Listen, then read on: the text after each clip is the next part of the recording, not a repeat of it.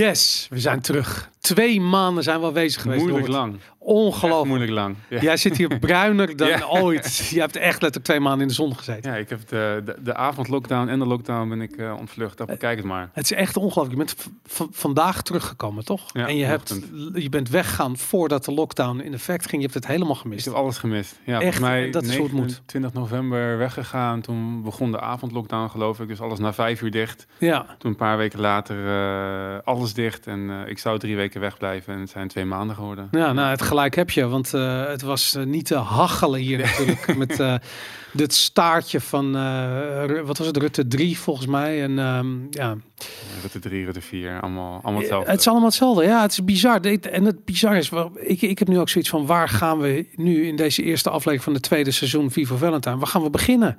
Er is zoveel Er gebeurd. is te veel gebeurd. Ja, ik heb een aantal dingen opgeschreven, maar ik weet het is niet uitputtend en het is mij al te veel voor één aflevering. Dus Ja, en we kunnen, we kunnen corona doen, we kunnen Rutte 4 doen, we kunnen, ehm, Ja. eh, ja. er zijn drie, hoeveel varianten? Drie varianten verder volgens mij sinds de laatste aflevering. in Nou ja, corona. dat is natuurlijk wel het hele ding. Omicron is eh, losgebarsten. Eh 80.000 besmettingen volgens mij per dag in Nederland, als er niet meer zijn. Ehm, en niemand wordt echt ziek. Een beetje een loopneus en een dagje eh algehele malaise en dat was het. Ja. En ehm, ja, Zelf- corona is zelf- weg. zelfs het AD noemt het nu een seizoensgriep. Ja, dat doet eh, de, de WHO heeft dat ook gezegd. Dat Hmm. dat eh, nu het scenario is.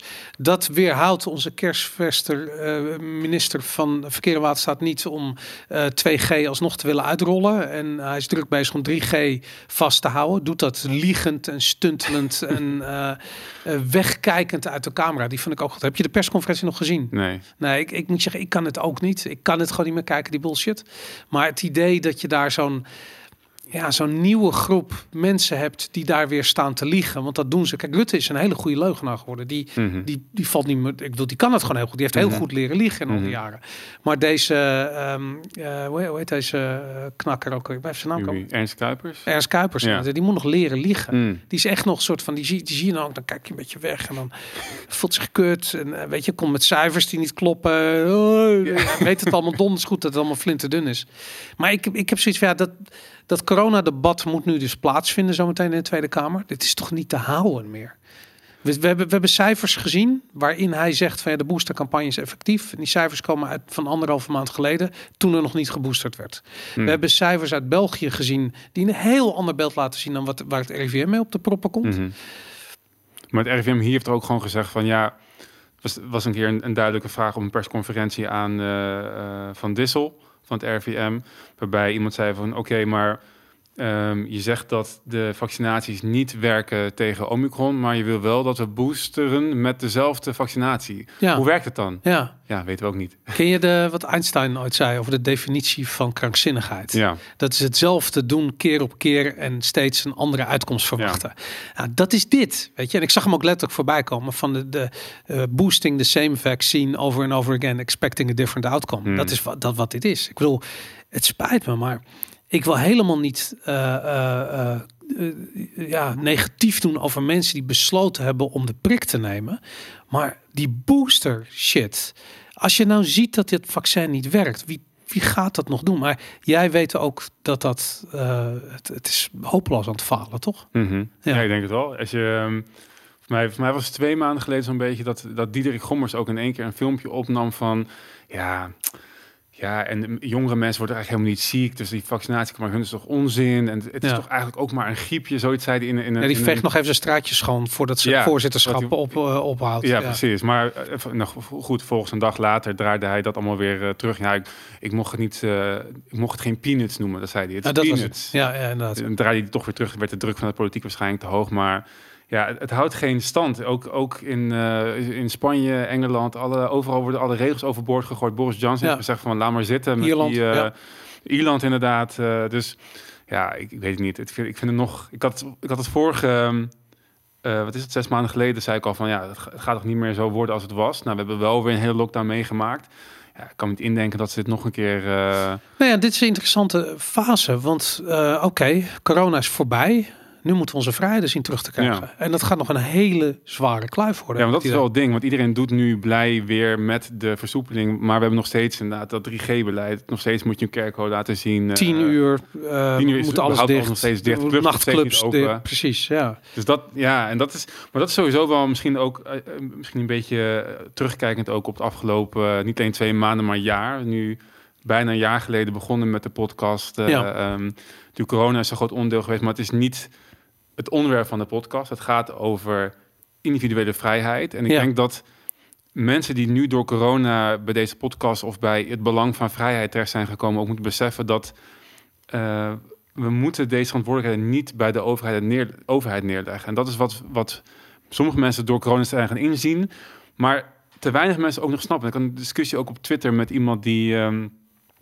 dat ging over het nieuwe kabinet en dat, eh, hoe heet ze? Ik weet niet hoe ze heet. Er is nu een staatssecretaris van eh, Justitie en Veiligheid. Oh, van- die Marokkaanse... ja, eh, ja. Turks. Turks, Oh, Turks, ja.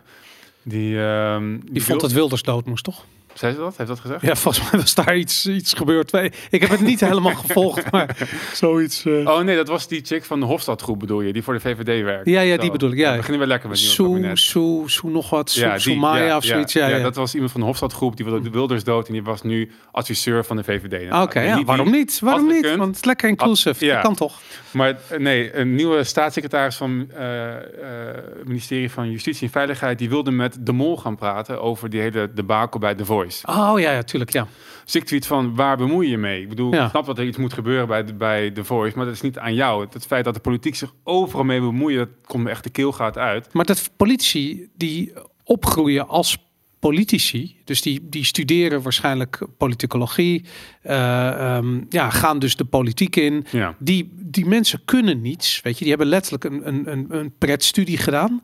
En die gaan dan vervolgens het land regeren. Mhm. En dit is wat dat is. Mhm. Als je gewoon geen fucking flauw idee hebt, geen bescheidenheid Ja. kent, denkt dat, dat, dat, ja, dat je beter bent dan anderen. Die gaan dit doen. Die gaan soort van, nou sorry Robert, maar ik moet even met jou praten. Want eh jouw podcast, wat je daar gezegd hebt, ik weet niet of dat helemaal... Ja, de vanzelfsprekendheid waarmee ze zich overal mee bemoeien is bizar. De, de Rob Jettens van deze wereld. Ja, ja, dat, Dat, is ook, dat is ook een mooi trouwens aan het even een zijstap en dan ga ik weer terug naar die andere van dit nieuwe kabinet. Je hebt, ik vind alle ministers redelijk nutteloos. Voor mij mag je de helft, misschien wel meer, afschaffen. allemaal toch? Ja, maar nu Hm. heb je dus je hebt iets nieuws. Je hebt ministers zonder portefeuille. Dus oké. je hebt een minister van eh, Justitie en Veiligheid, maar je hebt ook een minister voor Klimaat en Energie. Rob Jetten is dat. Oké. Je, je hebt ministers van. Niet van, maar voor. Voor, ja. dus dan, dat is hun manier om aan te geven dat je nutlozer bent dan die anderen. Want je Ja. hebt geen eigen portefeuille. en Maar je geen krijgt wel ministerie. 137.000 euro per jaar. Uiteraard. Ja. Ja. Maar dat, eh, ja, nee, dus nee, dat de Rob Jetters van deze wereld die ehm, vanaf de studiebank inderdaad rechtstreeks het kabinet in zijn gerold en eh, alles met de fractie moeten overleggen, die kunnen nu minister worden. Ja. En uh, zometeen bepalen dat Ja. jij waarschijnlijk weet ik hoeveel duizenden euro's van je huis moet vertimmeren omdat je niet energie, energiezuinig genoeg bent. Ja, Eh, want dan is gas is slecht voor de CO2 en dan weer niet. En dan weer wel. En dan weer niet. Weet je? en dan Dat- moet je hout gaan stoken, want dat is ja. beter. eh, maar ja. doe het, ik ben dat gewoon aan het doen. Houtstoken. ja, ik heb een houtkachel en ik kreeg opeens een eh, eh, energierekening. die ging van 300 euro naar bijna 700 euro. En ik had zoiets van fuck deze shit, weet je. En ik heb vier kuub hout gekocht bij een boer en dat heb ik zelf in stukken gezaagd en dat ligt eh, in de schuur opgestapeld en het huis is fantastisch warm. En ik, eh, ik heb iemand leren kennen die heeft een systeem gebouwd waarmee je dus eh, met een houtkachel je centrale verwarming kunt verwarmen. Mm. Dus dat gaat een soort waterreservoir en dat gaat er langs. Nou, weet je, ik heb gewoon zoiets van: dit is dus wat je krijgt met je shit. Weet je, ga gas wat schoon is, ga dat onbetaalbaar maken. Ja, wat dan gaan mensen toch goedkopere alternatieven Ja. zoeken? Dat is toch, dat kan toch niet anders? Ja. Maar je hebt nu, uh, je hebt nu je eigen biomassa centrale. Ja, I guess, weet je. Het is- ik ben twee maanden weg, je bent GroenLinkser geworden. Inderdaad. Nee, maar dat is het hele ding. Ik bedoel, ze hebben dus biomassa hebben ze uit de, de. Dat is dus niet meer groen. Dat is het ook niet, Hmm. natuurlijk. Dus dat. eh, ja, ik ben dus een vervuiler geworden. Hmm. Nou, niks aan te doen. Nee, nou ja.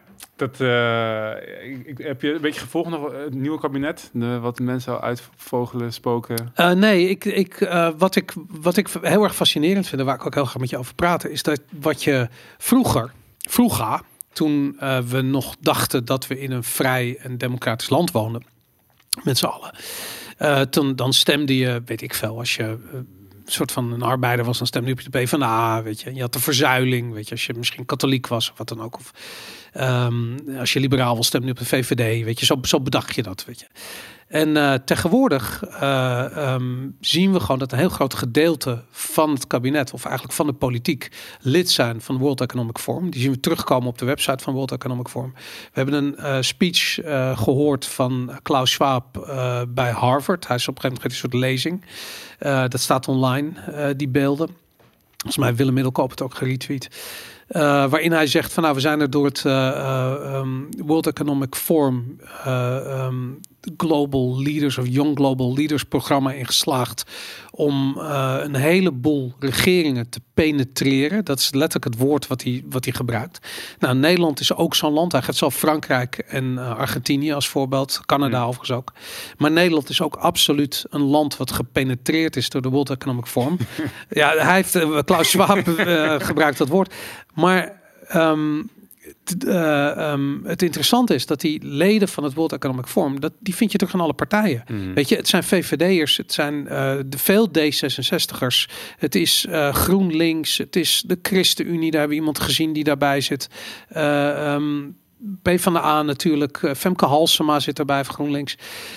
Ik denk eerlijk gezegd dat we nu dus naar een soort situatie gaan waarop je dus niet meer zozeer op een partij stemt. Je stemt op stem je op de uh, World Economic Forum EU-agenda of ben je daar tegen? Dat is het ja, eigenlijk het moment waar we aangekomen zijn. Weet je? Mhm. En als jij een kleinere overheid wil, als jij terug wil naar een liberale regering die uh, staat voor ondernemerschap, zelf uh, eigen verantwoordelijkheid nemen voor allerlei dingen, waaronder je gezondheid, mm -hmm. uh, ja, dan moet je dus niet bij die World Economic Forum kandidaten zijn. En die zitten dus in al die partijen. Mm -hmm. Dat is mhm. heel erg lastig. Mm -hmm. En als jij denkt van nou, PvdA, dat vind ik een weet je, verstandige partij. Nou, dan moet je maar de mazzel hebben dat er niet een of andere uh, World Economic Forum idioot straks in het kabinet komt. En dat gebeurt toch. Want je ziet het gewoon. Rutte doet het. Weet je, dus en dat is het vervelende. Als de VVD die echt door en door overgenomen is door World Economic Forum. Want dat zie je gewoon met uh, ook de mensen die vertrokken zijn. Eigenlijk het CDA net zo misschien wel, weet je. Daar zie je ook, um, hoe heet onze staatssecretaris die daar weg is gegaan.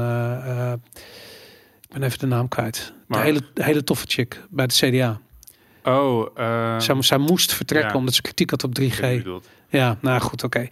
Maar anyways, dus um, ja, je krijgt nu een tweedeling. Dus van een vele politieke partijenstelsel gaan we mm -hmm. toe naar een twee partijenstelsel, namelijk pro en anti World Economic Forum. Mm -hmm. Pro en anti EU, dat zijn zometeen de enige mm -hmm. um, um, ja, twee punten die nog echter te doen. Want het ene is namelijk, gaan we naar een soort van neo-marxistische samenleving waar een soort van uh, niemand iets heeft en iedereen gelukkig is, volgens de WEF uh, doelstellen uh, of richtlijnen. Of gaan we naar een soort van, van, van ouderwetse vrije democratie toe. En dat is de keuze die bij de verkiezingen over twee jaar gemaakt moet worden. Eigenlijk is, is het toch wel steeds een soort van klassieke strijd die je, die je hebt. Ik heb um, vakantie heel veel gelezen. Ik heb geprobeerd het uh, boek van uh, Klaus Schwab ook te lezen. De Great Reset. Je ga je voor vakantie om ja. die ellende te... Nee, ja, ik, was, ik, was, ik had uiteindelijk ik heb iets van vier boeken gelezen. En ik dacht, nou, ik, ik ben nieuwsgierig naar uh -huh. hun denkwijze. Ik ben gewoon benieuwd ja. hoe die mensen denken, wat zij vinden. En ze doen er ook altijd heel openlijk over. En ze zijn er trots op. Dus je kan redelijk makkelijk lezen wat ze, wat ze van plan zijn. En hij zegt ook in die... Uh, in het begin, ik ben niet verder gekomen als het begin tot nu toe, hmm. dat Um, Draai heel even je microfoon een beetje naar beneden toe zo. Uh, ja, dat is ja. Oké. Okay. Dat um, um, hij zegt letterlijk de, de, dat de, de markt, de vrije markt, zeg maar, de bedrijven, de macht van bedrijven is op zijn retour. Ja. En de macht van de overheid is weer helemaal terug. Zeg maar, het is weer in fashion. De government is weer in fashion. Dat is zo'n zo'n zinsnede heeft hij in het begin van zijn boek. En dat is wat je zegt naar die neo-marxistische denkwijze. Hij is gewoon een, het is niet neo, het is gewoon als een marxist. Ja. Hij, ze zijn communisme aan het herbranden met zijn stakeholder capitalism, dat wat zijn Precies. Thema is uh, en waar dus iedereen het ook over heeft. Zo van shareholder capitalism, gewoon bedrijven zoals we dat kennen, dat is slecht. Zullen we het daar zo over hebben? Want dat hoor je ze veel zeggen. Zo, ja. En vaak voorafgaan aan de zin kapitalisme is dood. Ja. En dan krijg je dus uh, uh, shareholder capitalism is het nieuwe kapitalisme. -huh. Kapitalisme is niet dood. Kapitalisme uh, wordt aangevallen door ehm, socialistische policies. Mhm. En die zie je steeds meer uitgegroeid. En dat is niet nieuw. Ik bedoel, de centrale bank is iets wat Marx eh, voor het eerst omschreven heeft in zijn eh, Das Kapitaal. Mhm. Ehm, dat is niet een kapitalistisch idee dat we één centrale partij aanwijzen die ons geld beheert. Nee, geld moet vanuit de vrije markt ontstaan. Mhm. En ehm, dus je ziet eigenlijk van ja, echt puur kapitalisme, waarin iedereen vrij is om eh, economische banden aan te gaan met iedereen, waar ook ter wereld.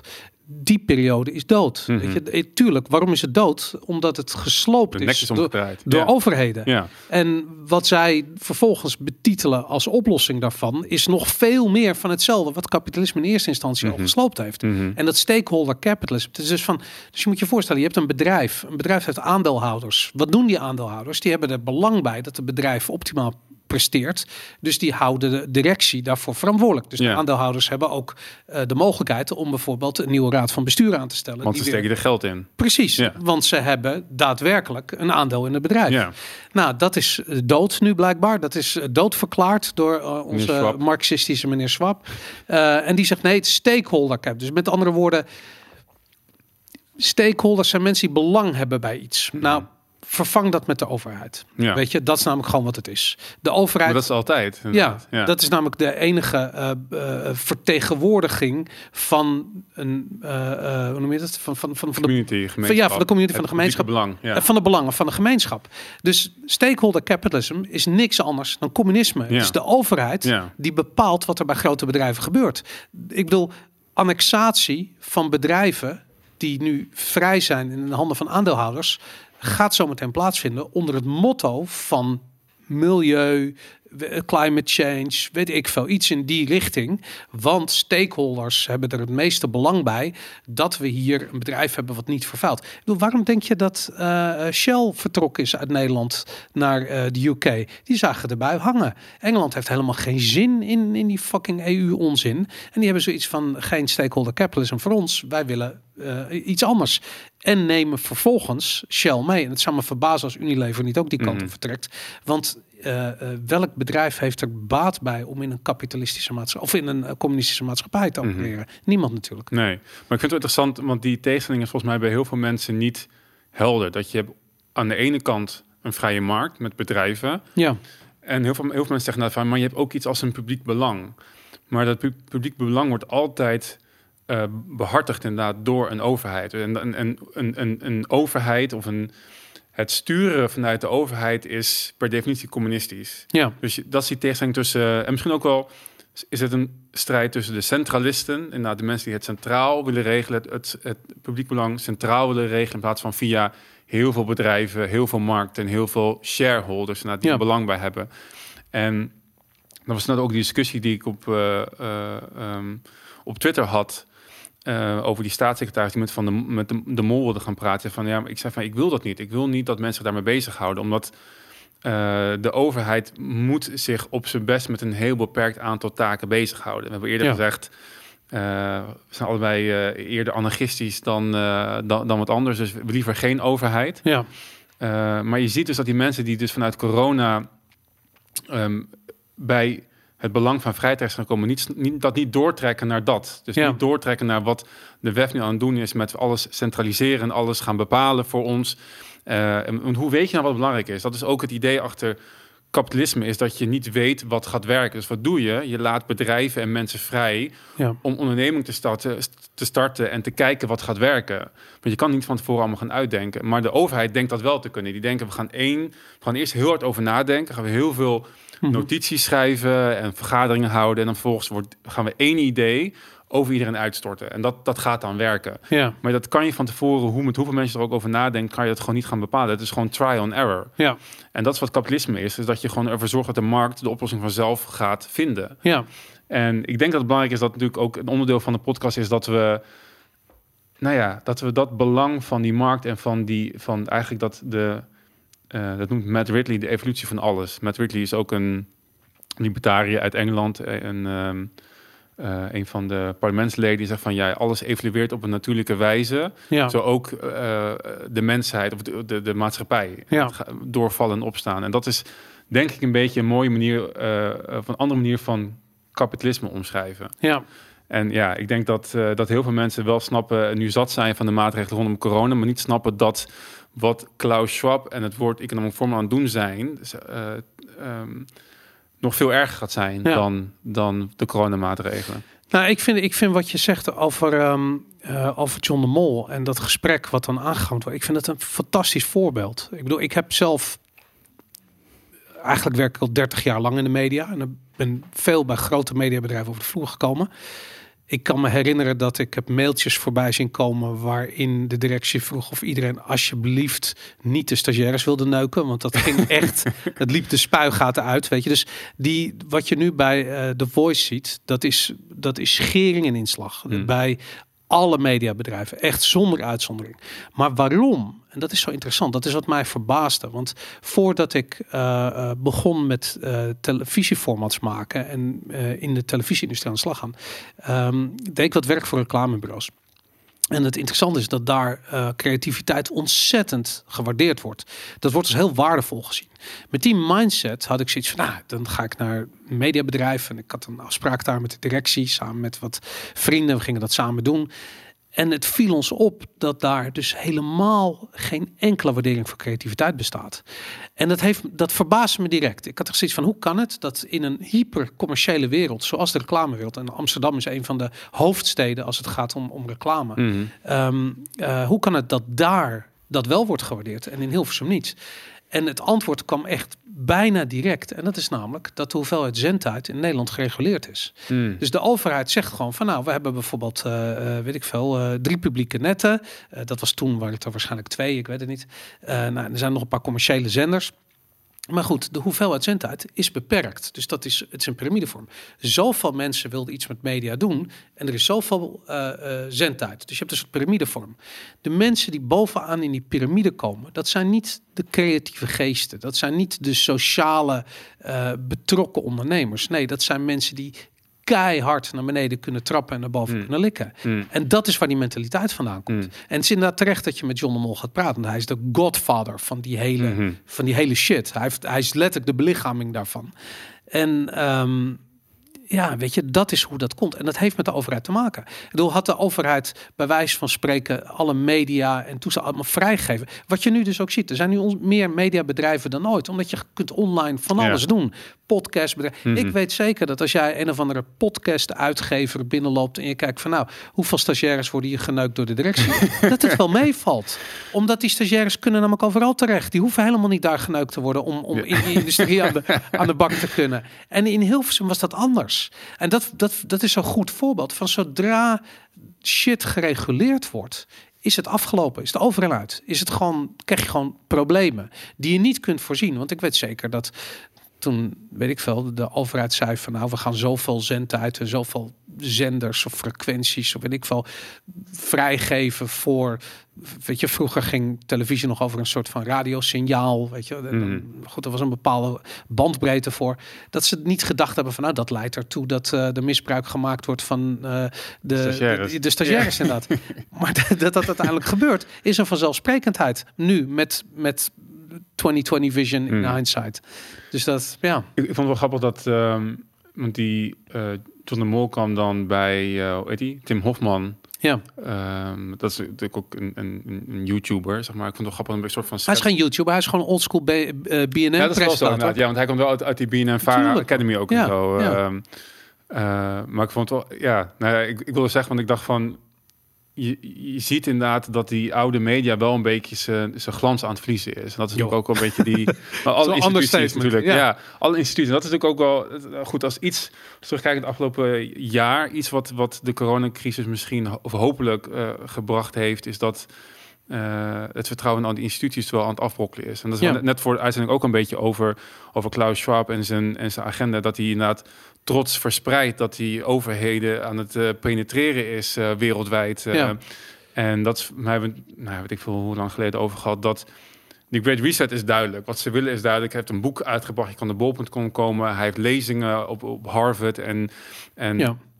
Uh, nou ja, ook, ook, ook mensen als Rutte die heel trots dan een, een award ontvangen in steenkool, Engels weet ik voor waarvoor.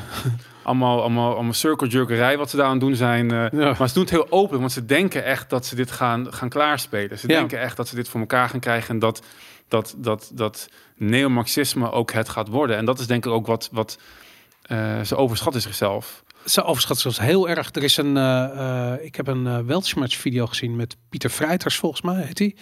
Ehm, hij is professor onder andere bij de London School of Economics. Ik zit even te kijken of ik zijn naam niet, want ik wil zijn naam eigenlijk niet, eh, niet, niet opfokken. Even kijken. Hij heet, heb ik het hier staan? Nee, hier misschien. Ja, hij heet eh Paul Vrijters. Sorry, Paul Vrijters, als je dit kijkt.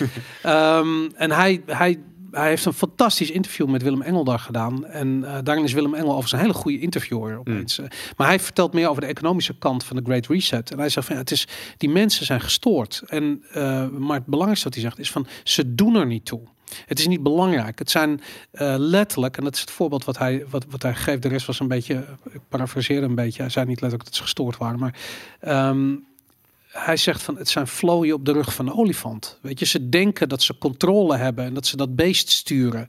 En die olifant, dat is de bevolking, weet je. Dat zijn 17 miljoen mensen in Nederland. Denk je nou echt dat, dat, dat Sigrid Kaag en, eh, eh, en, en Rutte en weet ik veel wat eh, nog maar iets doen op het moment dat het volk doorheeft dat een corrupte, liegende bende dit is. En ik weet zeker dat er in Nederland al 2, 3 miljoen mensen zijn die of wakker zijn geworden of twijfelen aan het gelieg van deze overheid. Maar zometeen zijn het er 15 miljoen. En dan is het afgelopen. Dan is het echt in één keer klaar. En ik denk, wat dat betreft, ehm, Klaus Schwab eh, maakte eh, eh, een grote fout. Die bijvoorbeeld heel veel grote criminelen al heel vroeg leren. Je moet uit de media blijven. Mm. Zodra, ik, ik kan me nog goed herinneren, een heel boek over hem geschreven. Toen Klaas Bruinsma, een soort van de eerste grote godfather die Nederland rijk was. Toen die eenmaal eh, eh, media-aandacht kreeg. Ik denk in de Nieuwe Revue in de tijd. En misschien ook wel door... ehm, ehm, ik, weet, ik weet toch niet wie dat, wie, wie dat deed toen. Maar toen was het afgelopen. was het begin van het eind. Weet je, toen kreeg hij aandacht. Politie moest iets doen. Onderzoeken. Nou, over en uit. Mhm. En dat ga je nu met Klaus Schwab ook krijgen. Weet je, ik bedoel, zometeen als jouw naam prijkt op de website van het World Economic Forum, heb je een probleem politiek gezien. Je gaat niet herkozen worden, je gaat eruit gewerkt worden. En nu zijn het nog een handvol eh, figuren die wel overigens in het kabinet zitten en daar aan de touwtjes trekken. Ehm, in ieder geval nog twee jaar. En tenzij ze voor die tijd een Twee jaar. toch voor de nieuwe verkiezingen.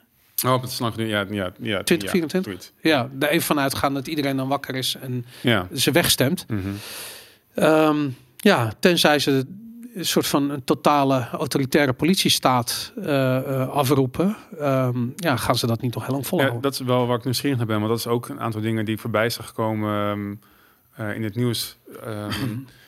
Eén ding was die, snel, die, die snelheidbegrenzer en blackbox in, in, in een In auto. auto's, ja. Vanaf, vanaf dit jaar? Of vanaf ja, nieuwe modellen. nieuwe we modellen. Ja, dus Ja. die oude die hoeven niet eh, opnieuw. Straks in alle nieuw verkochte auto's Ja. en daarna in alle auto's. Ja, Ja, en dat, dat doet mij gewoon denken aan, aan eh, Minority Report. ja. Als je kijkt naar, die, die totaalcontrole, we hebben natuurlijk van vriend Arno Wellens gehoord. Het gaat via die digitale weg plaatsvinden. Ja. Dus dit soort dingen, ehm, blackbox in de auto, dat eh, Europa wil een eigen DNS-systeem gaan, ja eh, we ook voorbij zien komen op tweakers. Ja. Dat we dus de, alle, al het internet dat dan gewoon via servers van, van de overheid gaat en dus gefilterd kan worden na, nagelang zij eh, belangrijk vinden. Ehm, ik, was, was het? Ik zag iets dat ik ken misschien dat dit eh, QE of QII.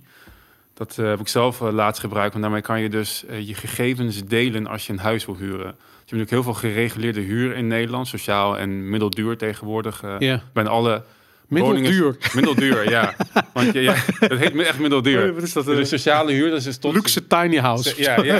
Niet echt heel kut, maar ja. het is iets, iets, iets minder kut en je betaalt wat meer. ja.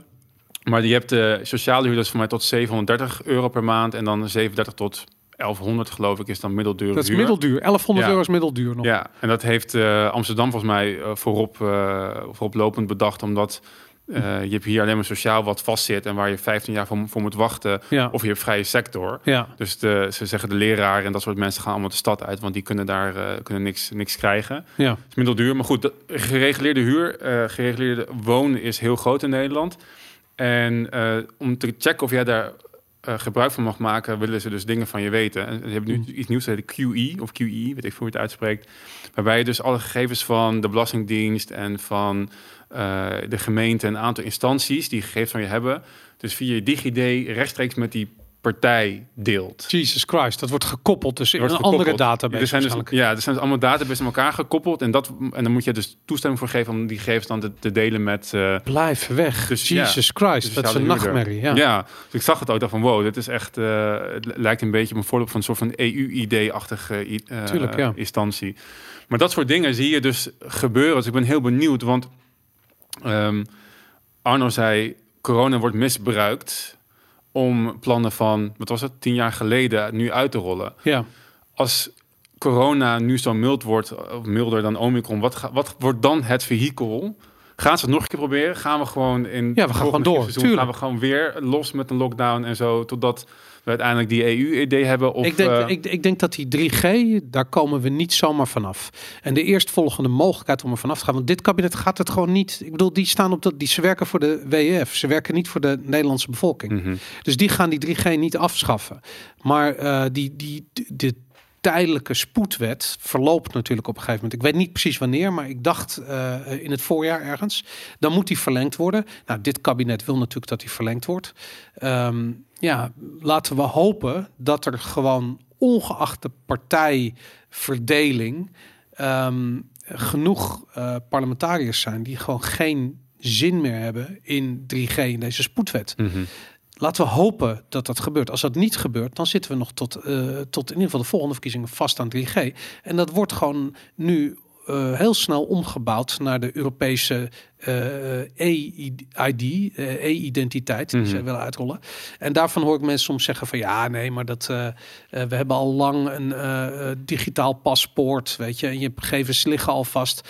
Maar het gaat juist om wat jij net omschrijft. Het gaat om het koppelen van al die informatie. Dus op het moment dat jij, ehm, weet ik veel, een auto wil huren, eh, zien ze gewoon dat je nog je huur open hebt staan in je middeldure eh, woning in Amsterdam. En dan kan je de auto niet. Ik zeg maar, weet ik veel. Maar die, die informatie wordt gewoon allemaal gekoppeld. Ja. En dat, dat gaat straks aan je e-identiteit gekoppeld worden. En dat betekent dat je dan even in effect heb je dan een social credit system. Dat is wat ze gaan wat ze aan bouwen zijn. Ja. En daar, daar zijn ze heel open over. Dat is wat er gaat gebeuren. Ja, maar het is ook de, de systeembouwer van dat EU-idee heeft ook dat creditsysteem in China gebouwd. In ieder geval de, Ja. de infrastructuur, zeg maar, eh, IT-infrastructuur. Oké, ja. Dus die, die, die, die, die maker ervan, die maakt nu het, eh, het EU-idee. Ja, nee, het zijn, het zijn van die, het is inderdaad. Het is wel grappig dat ik zeg van dat mensen zeggen ja, maar het is er al. Ja, Ik zat van de week ook te denken van ja, over het, het, ehm, het, het onttrekken aan de coronamaatregelen, zeg maar. Het niet mond, eh, dragen van mondkapjes. Nou goed, ik ben, Ja. ik ben, ben gaan vliegen, dus ik kan het vliegen in met een mondkapje. Dus ik heb een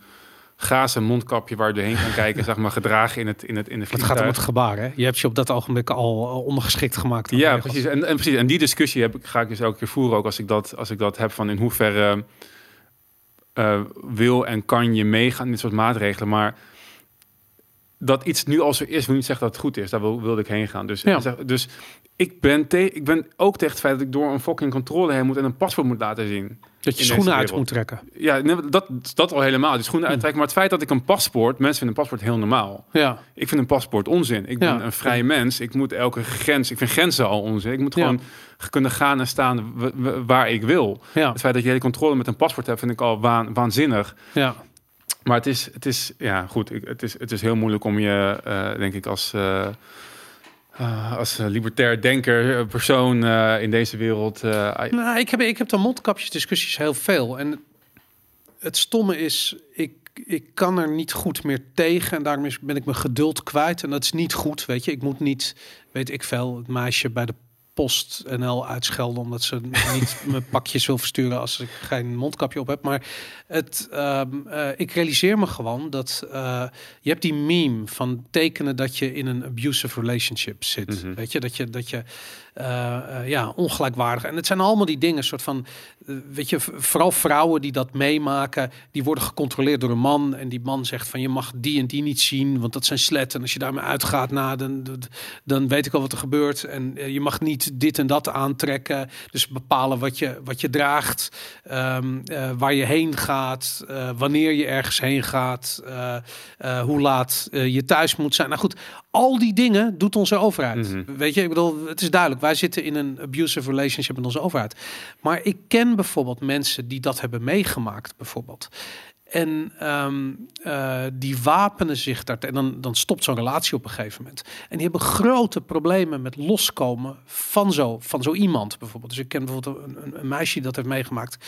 En die, ja, die heeft zich thuis echt bewapend. Omdat hij gewoon zoiets heeft van ja, ik wil niet dat hij nog bij me in de buurt komt. En ik, dan ben ik benieuwd van, ben je dan bang dat hij bij je binnenkomt en je iets aandoet fysiek? En zegt ze, nee, nee, dat is het niet. Het is dat het zijn zulke subtiele dingen, maar bij elkaar opgeteld word ik gewurgd. Weet je, het is Mm. psychisch, het is allemaal psychologisch. Mhm. En zij heeft gewoon zoiets van: ik moet me daar. te- Dus ze neemt de zwaarst mogelijke bescherming op het moment dat ze er niet meer tegen kan en er vrij van is, omdat ze weet van het gaat heel subtiel weer loskomen. En dat kan een appje zijn, het kan dit zijn, het kan dat zijn. Het, het zijn hele kleine dingen. En dat is waarom ik zoiets heb. van, Natuurlijk is een mondkapje dragen een kleine moeite, maar dat is het niet. Mhm. Het is het begin van een, van een nachtmerrie. En, dat, en ik, ik, ik ervaar het ook echt op die manier. Weet je, ik heb echt zoiets van: ik kan die kutdingen niet meer zien. Ik word er echt boos van. Hmm. Omdat ik gewoon zoiets heb van, het gaat niet om een mondkapje. Het is iemand die mij vraagt om het te onderwerpen aan een overheid waar ik niets mee te maken wil Mhm. hebben. En dat is, eh, het heeft niks met gezondheid te maken. Grappig, we zitten in deze studio en ehm, eh, deze studio is helemaal gebouwd door Nico. Shout-out naar Nico. Nico is een kijker van uh, Vivo Valentine. en die ging mij gelijk vertellen. Ik bedoel, we, we eh, ontmoeten elkaar voor deze klus. En we hadden het echt in no time over aliens. En over de eh, afmeting van eh, hoeveel micron een virusdeeltje is. En wat dan een, waarom een mondkapje niet werkt. Dat soort echte Vivo Valentine Ja. gesprekken. En dat... ehm, ehm, ja, weet je, dat, da- daarvan had ik ook zoiets van, ja, mensen realiseren zich dat die shit niet werkt. En weet je, mensen die technisch zijn, zoals Nico, die weet gewoon van, nou, luister, zo, het virusdeeltje is zo groot, het masker kan dat niet tegenhouden. Eh, en anderen hebben gewoon zoiets van, het is niet oké dat de overheid mij zegt wat ik moet dragen. Mhm. Weet je, dat is ook niet oké. Maar hoe je het ook aanvliegt, iedereen voelt gewoon van, ja, je, het gaat de grens over, weet je. Geen Mhm. mondkapjes meer, weet je. Dat, dat, dat moet stoppen. En vanzelfsprekend dat alle andere maatregelen, QR-codes, eh vaccinatieverplichting, weet ik veel wat ze nog meer allemaal in pet hebben. Het, het moet weg. Het moet echt weg. Maar ja, dat is de vraag van hoe komen we hier weer vanaf? Mhm. Hoe krijgen we onze vrijheid in, in hoeverre we die hadden weer terug? Mhm. Hoe gaan we terug naar 2019? Hm, Ja, en dat is dus volgens mij het belang in het, in het erkennen wat er gebeurt. Dus daarom die Klaus Schwab met zijn clubje en Ja. het centraal willen regelen van zaken en het... het het, ik vertelde net dat ik, dat ik in, in het boek Propaganda aan het lezen ben van Edward Bernays. Het Ja. neefje van eh, Sigmund Freud, de, een van de grondleggers van de psychoanalyse. Ja. En nou, toch gewoon, net zoals met Carl Jung, iemand die weet hoe de menselijk brein werkt. En waar, heel veel, eh, nou, toch, toch een groot deel van de psychologie op gebaseerd is. En hij, zijn vakgebied was propaganda. En heeft het later gerebrand naar eh, public relations. Omdat, Hij is de eerste, eh, de uitvinder van de PR eigenlijk. Ja. ja. ja, want, Hij noemde dat gewoon corporate propaganda in het begin. Ja, want nou, het, is, het is zo gelopen. Dus eh, hij noemde het eerst propaganda. En Ja. hij was een van de, van de, van de nou, ik moet niet zeggen grondrecht, maar een van de grote namen op dat gebied. En gebruikte dat ook inderdaad voor Hij was wereldberoemd. wereldberoemd. Ja. Hij werkte voor presidenten van, van, van Amerika, voor General Electric, de, de, zeg maar de multinational van, die, van zijn tijd. Het boek komt uit 1946. Eh, daar werkte hij voor. En, maar propaganda kreeg door de oorlog een zeggen, nou, men kwam erachter namelijk dat men wa- was opgehitst door middel van propaganda om een oorlog te steunen die helemaal niet zo goed was voor ze als werd wijsgemaakt. Dus ja. Eh, de term propaganda was besmeurd en hij wilde dat met het boek propaganda dus weer rechtzetten. Oké. Maar dat is niet gelukt. Dus hij heeft dus die term gerebrand naar public relations.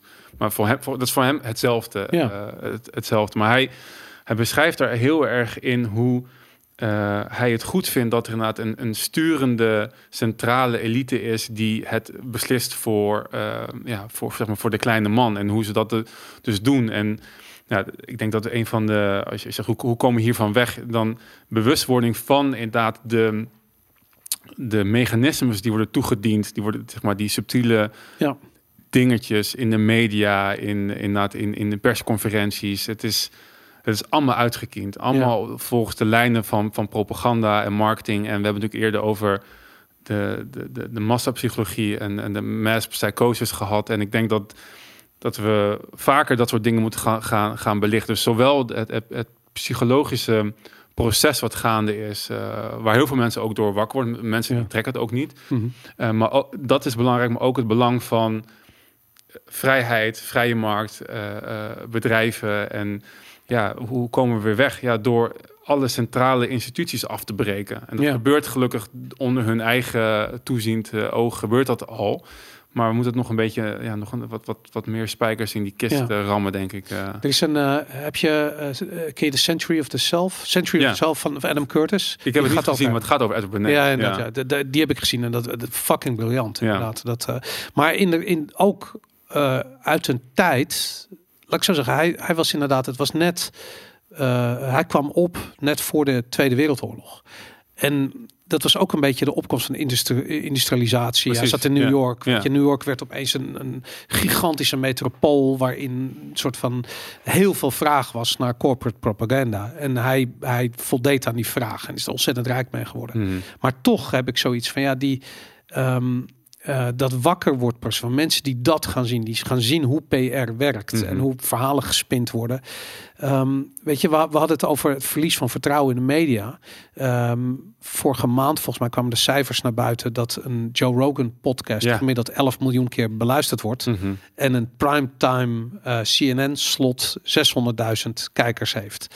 En hoe we hier in godsnaam gekomen zijn. En ik heb echt zoiets van ja, iedereen kijkt naar Joe Rogan. Van ja, die is zo briljant en die heeft dat gedaan. Ik bedoel, hij doet het fantastisch, daar niet van. Maar het is niet Joe Rogan geweest. Het is CNN geweest. Mhm. Die Ja. hebben dat gedaan. Mainstream media heeft dit gedaan. Mhm. Weet je, ik bedoel, ja, zij hebben gedaan. Ik bedoel, ik kijk het nooit meer, maar als jij op één kijkt en al die scheid talkshows en ziet hoe ontzettend inhoudslos eh, eh, ehm, ja, eenheidsworst je voorgeschoten krijgt, dan heb ik zoiets van ja, dan, dan is het niet meer dan logisch dat je op een gegeven moment de podcasts ontdekt en dat je een ander geluid wil horen. Mhm. En dat vroeger was dat gewoon op tv zo, weet ik veel. Sonja Barend die had gewoon een, een, een discussie met mensen die van twee verschillende kanten die ergens anders over dachten. Die tijd is echt, het is ver vervlogen. Mhm. Dat bestaat gewoon niet meer. Dus wat dat betreft, ja, het mainstream media draait zichzelf de nek om. En ehm, ja, dat is de opkomst van, van, van ja, onafhankelijke kleine mediakanalen. Ja, hetzelfde geldt denk ik voor politiek. Ik denk dat ja, we hebben een nieuw kabinet, maar je herkent het niet.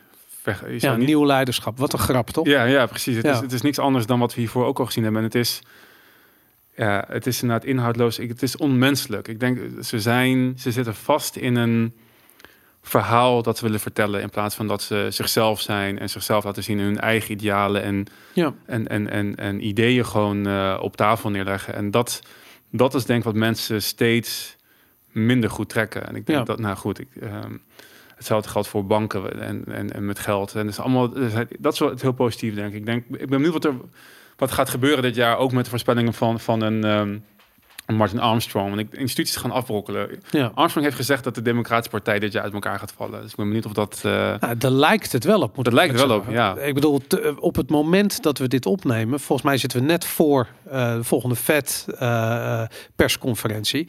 Ik bedoel, zij zitten letterlijk in de val. Ze kunnen de rente, ik bedoel, ze kunnen de rente verhogen, maar ze kunnen de geldcreatie niet stoppen als ze dat doen. Alleen al de geruchten van de renteverhoging zorgen al dat de markt een gigantische crash krijgt. Nou, dat hebben we gezien afgelopen week. Ehm, ja, het enige wat ze kunnen doen is zeggen dat de geldpers aanblijft. Dat betekent dat de inflatie blijft stijgen. Dat schijnt een politieke eh, doodzonde te zijn in Amerika. Daar- Ik bedoel, hier in Nederland snapt niemand wat inflatie is. In Amerika eh, ligt het wat gevoeliger.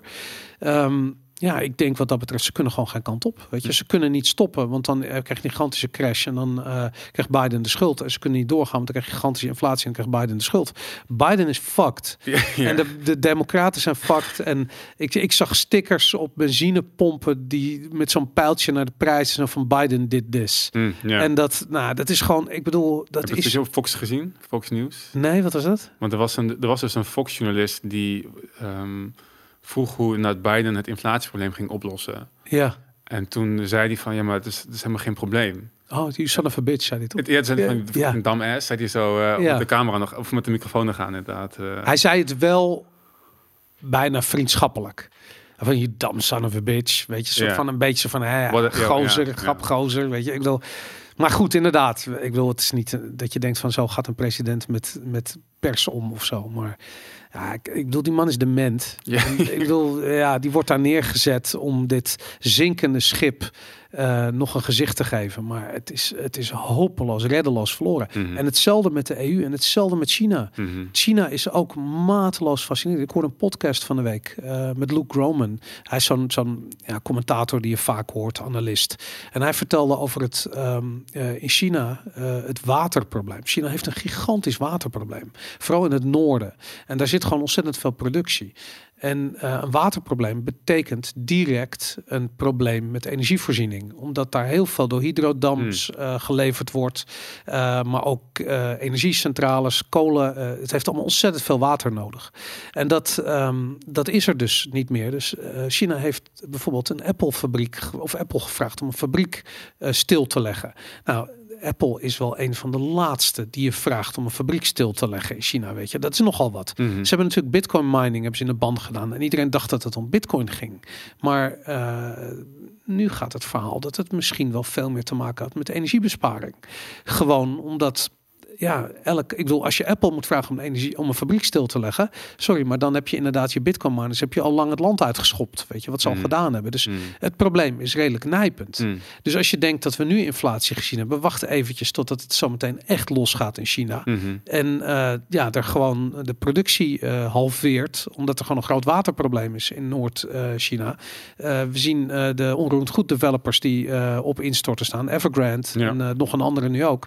Het ziet er niet best uit. Nou, in Europa exact hetzelfde. De banken staan allemaal al, weet ik veel, al jaren onder water. Er hoeft maar, eh, ik bedoel, als, die, als in Europa de, eh, de ECB eh, zegt op een gegeven moment van het is nu genoeg geweest met de inflatie, we gaan de, de, de geldcreatie stoppen, dan vallen direct de huizenmarkt stort in elkaar en de banken vallen direct om. Mhm. Dat heeft Arno Wellens ook uitgelegd. Mhm. Dus het is, iedereen staat met zijn rug tegen de muur. Er is letterlijk geen ademruimte meer. En ja, we moeten iets, weet je. En dat is waarom je ook dat, dat, dat krankzinnige eh, ehm, eh, World Economic Forum plan, wat eigenlijk helemaal niet bij hun vandaan komt, maar wat zij zijn gewoon, het resoneert heel erg bij Klaus Schwab, vond het een goed idee, maar het komt oorspronkelijk eh, bij de Bank of International Settlements vandaan, die gewoon zoiets hebben van, ja, hoe gaan we het monetaire probleem oplossen? En zij hebben zoiets van, ja, heel praktisch, gewoon een totalitaire staat. dat is hoe je een monetair probleem Ja. oplost. Het ding is, zo los je zelfs in een totalitaire staat, los je dat niet op. Weet je, de roebel in, in de eh, Sovjet-Unie, het was allemaal leuk en aardig, maar ja, we weten ook hoe dat geëindigd is. Weet je, uiteindelijk economische collapse en is dat Ja. afgelopen. Maar dat, dus dat- ze blijven dus de fout herhalen van ja, dit this time around Ja, ja, de- communism will work. ja, ja, ja, Deze keer This time will be different. Ja, Ja. Dat, dat, het, het wordt niet different. Kampen, eh, eh, ja, communisme is gewoon nooit een goed idee. Dus vandaar ook stem niet op de World Economic Forum kandidaten bij de volgende Tweede Kamerverkiezingen. Heel belangrijk. Zeker. En, en de gemeenteraadsverkiezingen. Ik weet niet hoeveel gemeenteraadsleden zitten er bij de World Economic Forum. Geen idee. Vast, vast wel een veel, paar, toch? 300, hoeveel? 50 gemeentes, ehm, zitten er echt duizenden leden. Ja, Ja, moet, Moet, wel. toch? Ja. Ja. Ik volgens mij moet je gevraagd worden voor die glo- Young Global Leaders toestand. Hm. Maar eh, misschien kunnen we Femke Halsema een keer vragen hoe ze dat gedaan heeft. Ja, Hoe dat werkt. Of er dan plof opeens de uitnodiging op de mat valt. Ik weet het niet. geen idee. Ik Tof. Geen interesse in. Cool. Nog een onderwerp of eh, gaan we hem afsluiten? Ik weet niet, er nog veel, zoveel Bitcoin crash, nog eh, Kazachstan eh Ja, in ja. Ja, Kazachstan. Ja, er is natuurlijk een heel ding met, met, met Oekraïne. Wat we, ja.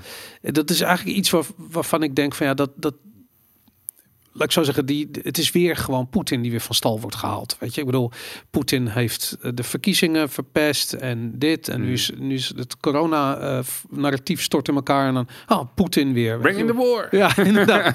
Waar is Poetin? Bel hem, hij moet, hij moet helpen. Dus ja, krijgen we dat weer, weet je. Ik, ik, ik realiseer me dat... eh, ik, ik ken een paar mensen ik, eh, die in Oekraïne wonen... en die maken zich niet zo'n zorgen erover. Heel raar. We hebben, krijgen hier een heel ander... escaleren. Nee, we krijgen hier een heel ander verhaal dan daar. En ze hebben gewoon zoiets van... Ja, waarom zou Poetin in godsnaam Oekraïne binnenvallen? Het enige wat voor hun belangrijk is de Krim... Mhm. tot aan Kiev, wat volgens mij, weet ik van honderden kilometers aan land is. Dat, het is niks. Het is wat, wat graanproductie, maar dat heeft Rusland genoeg. Weet je, Rusland is qua oppervlak een van de grootste landen ter wereld. Dus waarom? Die hebben geen graanproductie nodig in Oekraïne. En er is daar verder niks. Weet je. Hmm. Er worden geen grondstoffen gedolven. Er is gewoon letterlijk helemaal. Het kost alleen maar geld. Weet je, het is een soort van. Ja, het is een beetje verarmd Europa. Dus, eh, eh, en de NAVO wil daar heel graag natuurlijk raketten neerzetten. God weet wat allemaal. Maar Ja. ja, Rusland heeft gewoon zoiets van, ja, we hebben de Krim, dat is strategisch belangrijk. En als de rest strategisch belangrijk was, hadden we het al lang gehad. ja. Dus dat is in, in Oekraïne ook een klein beetje het, eh, het narratief. Dus ook daar denk ik weer van, we worden besodemieterd. Hmm. Het is een afleidingsmanoeuvre. Kijk daar Poetin, weet je. Ik bedoel, ik zou me meer zorgen maken over China en Taiwan. als het gaat om escalatie van, van conflicten. Hmm. Maar Rusland en Oekraïne, ik weet niet. Volgens mij is een non-onderwerp. En, en Kazach- Kazachstan dan? Want daar was dus afgelopen, ik weet niet wat het nu is eigenlijk, maar de heel afgelopen weken was daar een, een of is er een revolutie gaande. eh, Ja. ehm, en in eerste instantie las ik dat zou gaan om eh, eh, de stijgende ehm, Uranium. gasprijzen. Uranium. Ze hebben heel veel uraniumproductie daar. Maar hebben daar, heeft, de, heeft de bevolking daar last van? Nee, het klopt. Het, werd- gezegd dat het te maken had met benzineprijzen Ja, inderdaad aan de, aan de pomp. Die, ja. was, die waren verdubbeld. En Ja. dat dat de aanleiding was voor de, voor de rellen die uitbraken. Ik weet niet. Het hele ding zag er heel geanceneerd uit. We hebben nu ook al verhalen gehoord dat er al heel wat geheime diensten actief waren daar. En dat het heel erg vanuit de Amerikaanse eh, hoek ge, ja, gefueled was, dat Hmm. conflict.